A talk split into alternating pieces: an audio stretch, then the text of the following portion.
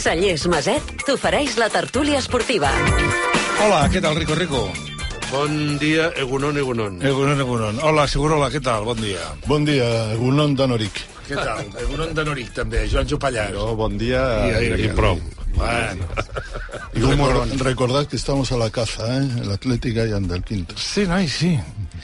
Sí, noi, sí. Ahir vaig estar veient una mica el Madrid, vaig estar veient el Barça, vaig estar veient el Girona, vaig estar veient tot. M'encanten aquestes jornades, i he de dir que l'arbitratge del partit del Girona és de les coses... Ui, arbitraje por encima del VAR, ¿eh? El Sí, VAR sí. Es, es el VAR el que... el que... Sí, sí. És el Val el que lo lía todo. Todo. Todo. Y no digo más. No, no, no és veritat, perquè Gil Manzano, tothom diu que és dels millors àrbitres que hi ha a Espanya. Es- esa jugada está bien arbitrada para mí. La jugada famosa, yo creo que el árbitro, La de los 37 segundos. la de los 37 o 40 segundos, él dio gol. Y es, Ah. el, es el VAR el que, el que empieza, sí, sí, empieza a sí, me había retroceder, retroceder, Sí, retroceder, sí, hasta que encuentra una justificación que me parece absurda. Jo cada vegada estic més en tu, eh? No t'ho volia creure la primera vegada que ho vas dir. El primer dia vas dir, jo estoy en contra del bar. Jo ara ja, jo ara ja he de dir que soy, yo soy el gerente del club de fans de, de antibar que preside Segurola. Si critiques el VAR per trair l'essència del joc, a la jugada de l'altre dia és la, la demostració més palpable de com carregar-te el futbol. O sigui, tirar enrere una jugada a 37 segons és una aberració absoluta. Pero no, una jugada, pero, eh, Joanjo, que ahora mismo probablemente o posiblemente podría haber dejado al, al Girona Sí, en no, no, no. con el Madrid. Es una jugada trascendental quizá en el campeonato de Liga. ¿eh? és, és una aberració la en el moment que es produeix i és una aberra- aberració per les conseqüències que té, que evidentment eh, no sabrem mai què hagués passat si el Girona hagués sigut vàlid aquell gol. A veure, a l'or- a l'origen de la jugada, d'ac- bueno, d'acord, és fora de joc. Però Bueno, que- una vegada continua la jugada Clar. i s'inicien dos jugades més, I tres. clar, no, no, no, no pots anar enrere, perquè no té sentit. Lo peor es que los árbitros lo justifican. Lo peor es que eh, tiran de un reglamento que la gente ya desconoce, porque hasta hace un año no era así. Eh, y no y siguen, volvemos donde, donde a mí me parece que está el peligro, que este juego, que era sencillo, que era bastante básico, que era muy natural, que sabíamos que había un árbitro que se equivocaba mucho, pero todos lo aceptábamos, se ha convertido en una especie de privilegio de unos pocos, que son los árbitros que ocupan un escenario ahora en el fútbol que es verdaderamente brutal. O sea, es una industria que está eh, haciéndose dueña en gran man del, sobre todo de la perspectiva del fútbol. Los tienes por todas partes, se llevan a matar entre ellos, tienen un, en general, eh, tienen opiniones contrarias cuando les oyes a la radio y la impresión que uno tiene es que esta gente que pintaba lo justo, es decir, porque era necesario tener un árbitro en el campo, se ha convertido ahora mismo en un factor, para mí, francamente, de confusión, cuando no de, de degradación, que es- lo pienso más, de- del fútbol.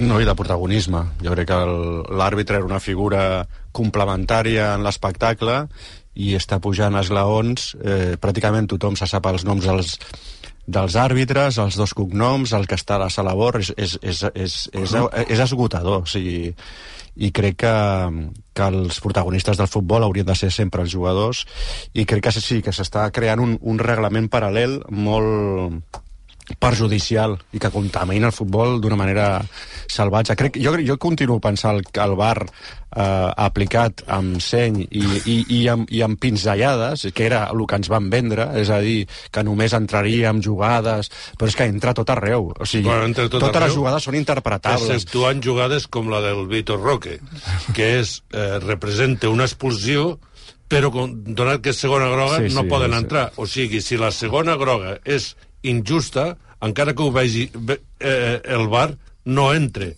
Mhm. Però permet, tolere i beneix que s'acabi cometent una injustícia i expulsin amb un jugador Lo- per una targeta que no és.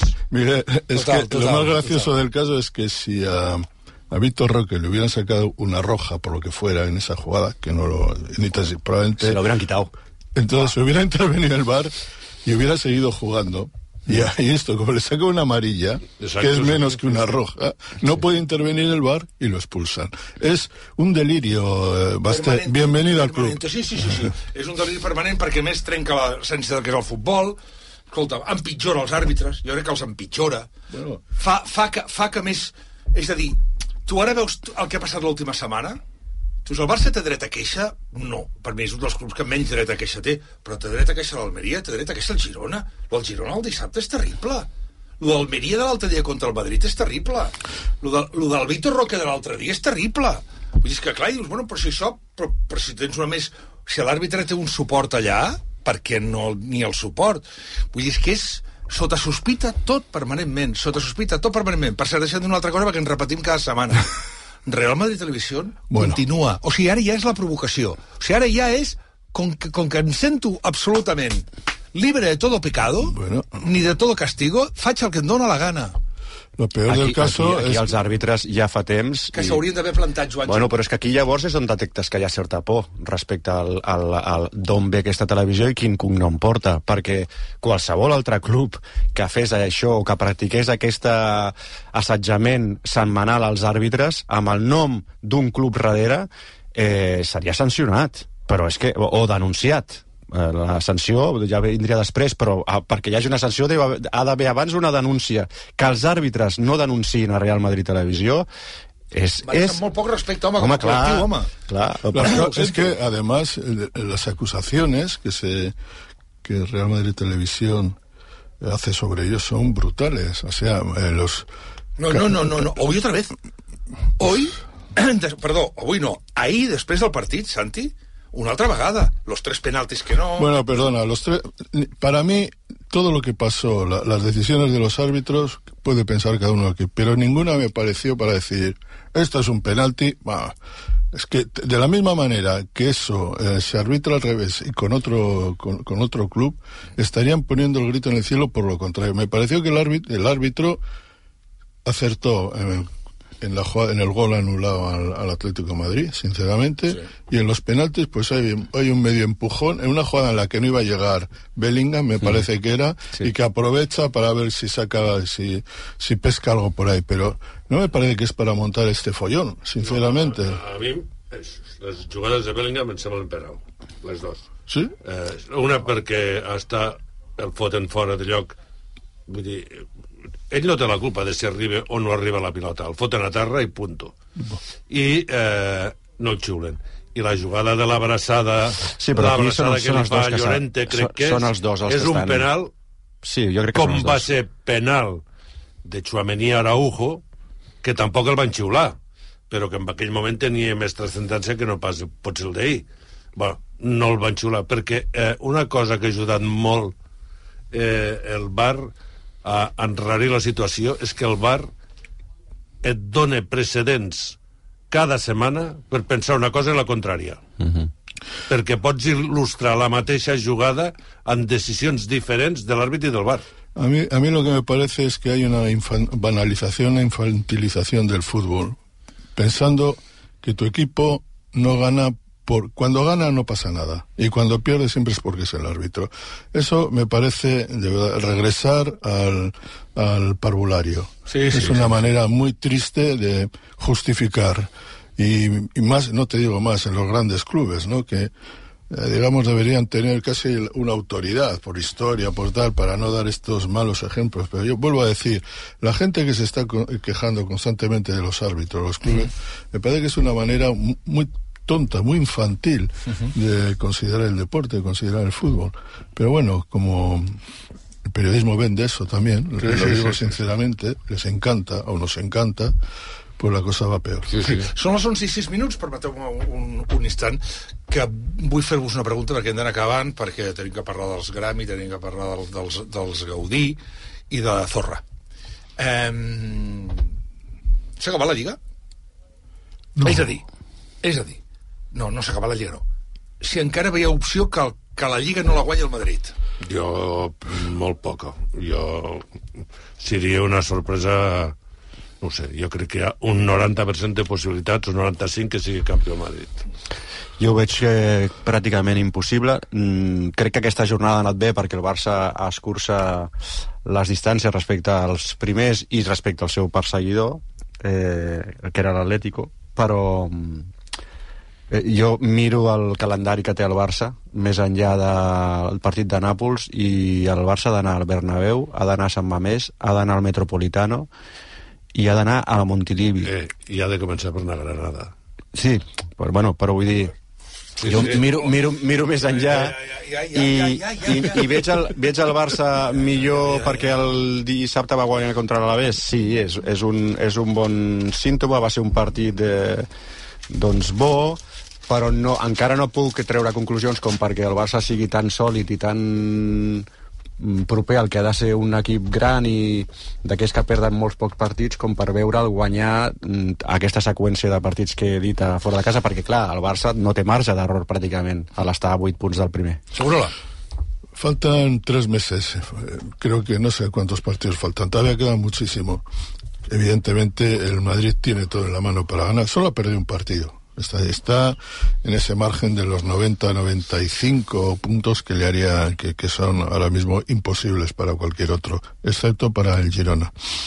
Eh, ahora bien, eh, ayer el Real Madrid jugó con una defensa que era Lucas Vázquez, Carvajal de central y Nacho. Es decir, hay un momento en que las bajas empiezan a pesar y tienes que tomar decisiones con jugadores que no ocupan sus puestos naturales.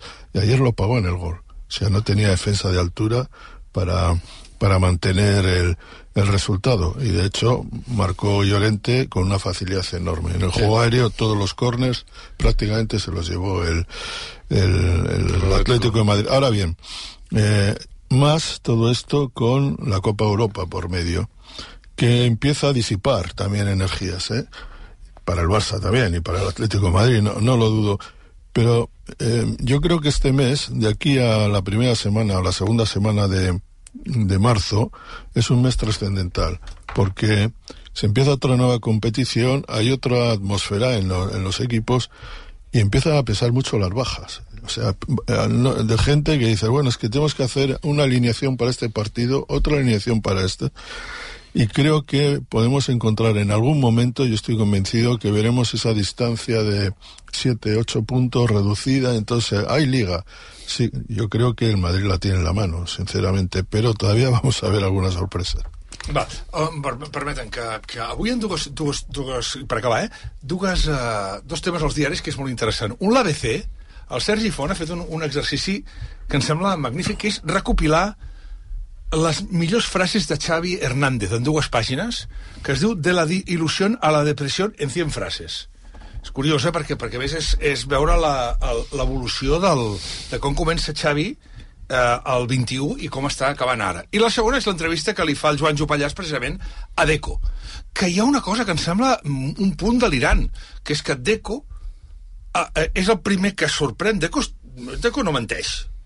Deco no menteix. Deco diu una cosa que m'he quedat molt pare. Diu, no, no, si és que nosaltres estàvem treballant ja amb Xavi de cara a la temporada que ve, amb la qual cosa, clar, això de que a començament de temporada ell ja s'estava plantejant deixar-ho, home, aviam, a Xavi el renoven ja, ja, ja. i Xavi signa un contracte. És veritat que Deco diu que Xavi va demanar que el contracte fos curt perquè ell eh, ja era conscient de que si no guanyava, és a dir, si no guanyava títols, eh, preferia tenir un contracte curt perquè, perquè tenia la sensació de que hauria de marxar. O sigui, intuint que el seu futur passava no tant...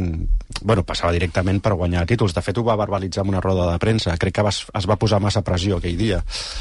Eh, i, I jo entenc que el director esportiu d'una entitat com el Barça, que acaba de renovar el seu entrenador fa uns mesos, eh, quan eh, estan al mes de novembre, desembre, doncs ja està parlant de la temporada que ve com a qualsevol eh, club normal. Per tant, sí, eh, em crec, perquè el tenia davant a la mesa Deco quan em diu que, que ell treballava amb Xavi parlant del futur. Una altra cosa és el que hagués passat a l'estiu, si el Barça no hagués eh, no, no guanya res i no es detecta una, millor, una millora eh, substancial del joc. Jo crec que el, el, el, la inèrcia de la temporada a mi em feia pensar que Xavi pagaria ja, eh?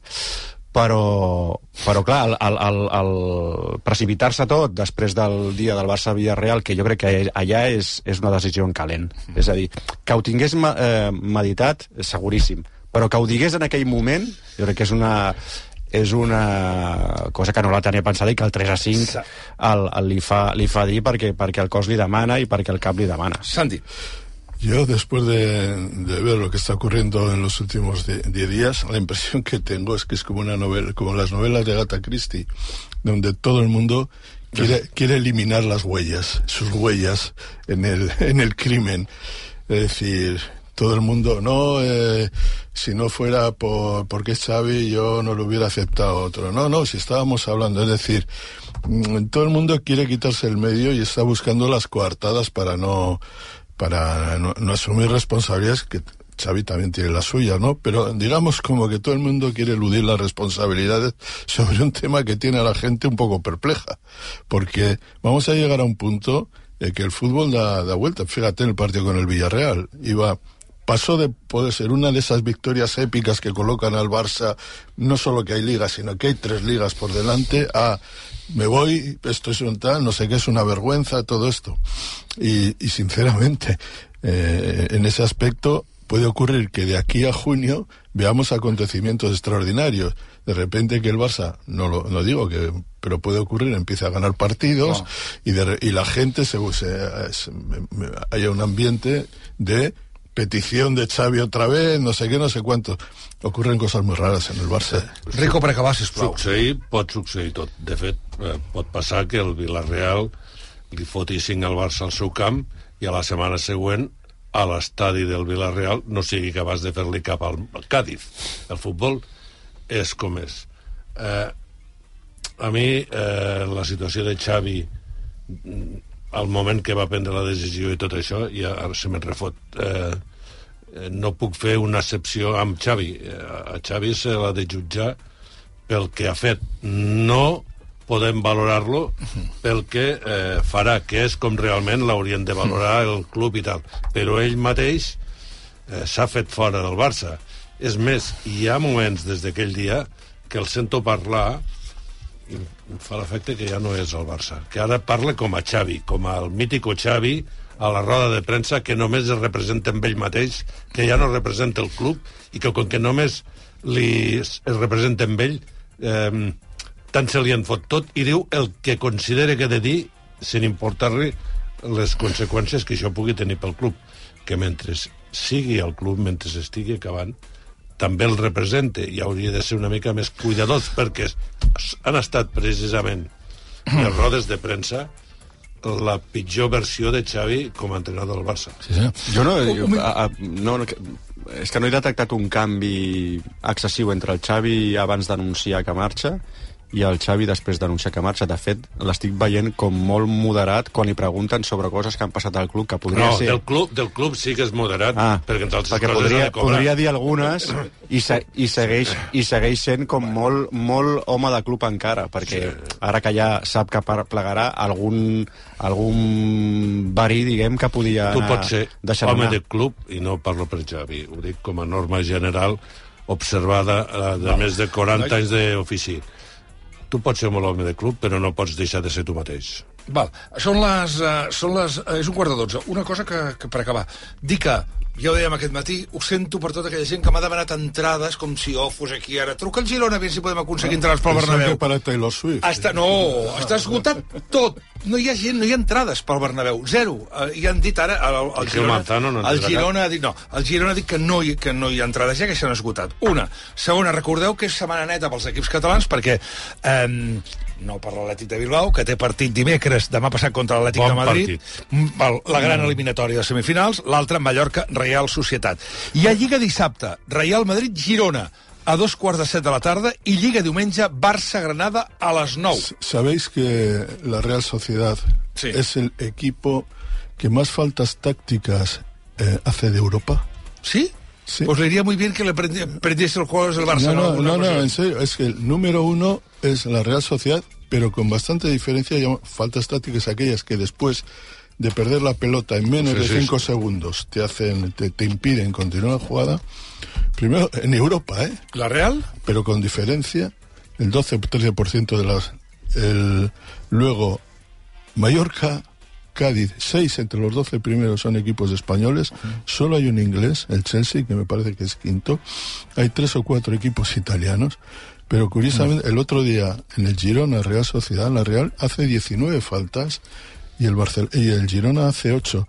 Yo creo que estas cosas también se deben contar. Creo que la Real es un gran equipo de fútbol, muy buen equipo de fútbol, pero también puede jugar bien porque los, equipos porque los equipos rivales le permiten hacer lo que ellos no permiten a los equipos rivales. Y creo que estas cosas que pasan inadvertidas son importantes en el fútbol i no se dicen, las faltas tácticas i tot Sí, esto. sí, són 11 necessàries. i 17 minuts. En fi, senyors, eh, setmana que ve més i millor, esperem. Eh... Adéu. Enrico, adéu, Santi Sobrola, adéu, Joan Jupallàs. D'aquí uns moments parlant de Taylor Swift, d'aquí uns moments parlant dels Premis Gaudí, eh, i d'aquí uns moments parlant del Benidorm Fest i de Zorra, la cançó que representarà Espanya al Festival d'Eurovisió.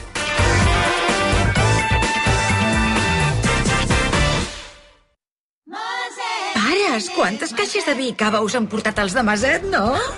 Aquest mes fan l'oferta del 3x2. En pagues dos i te'n porten 3. Ah, parlant de tres, us hem d'explicar una cosa. Uh, com? Que mai us faltin vins i caves per celebrar qualsevol notícia inesperada. Aprofiteu ara la millor oferta de l'any. Cellers Maset, directe del celler a casa vostra.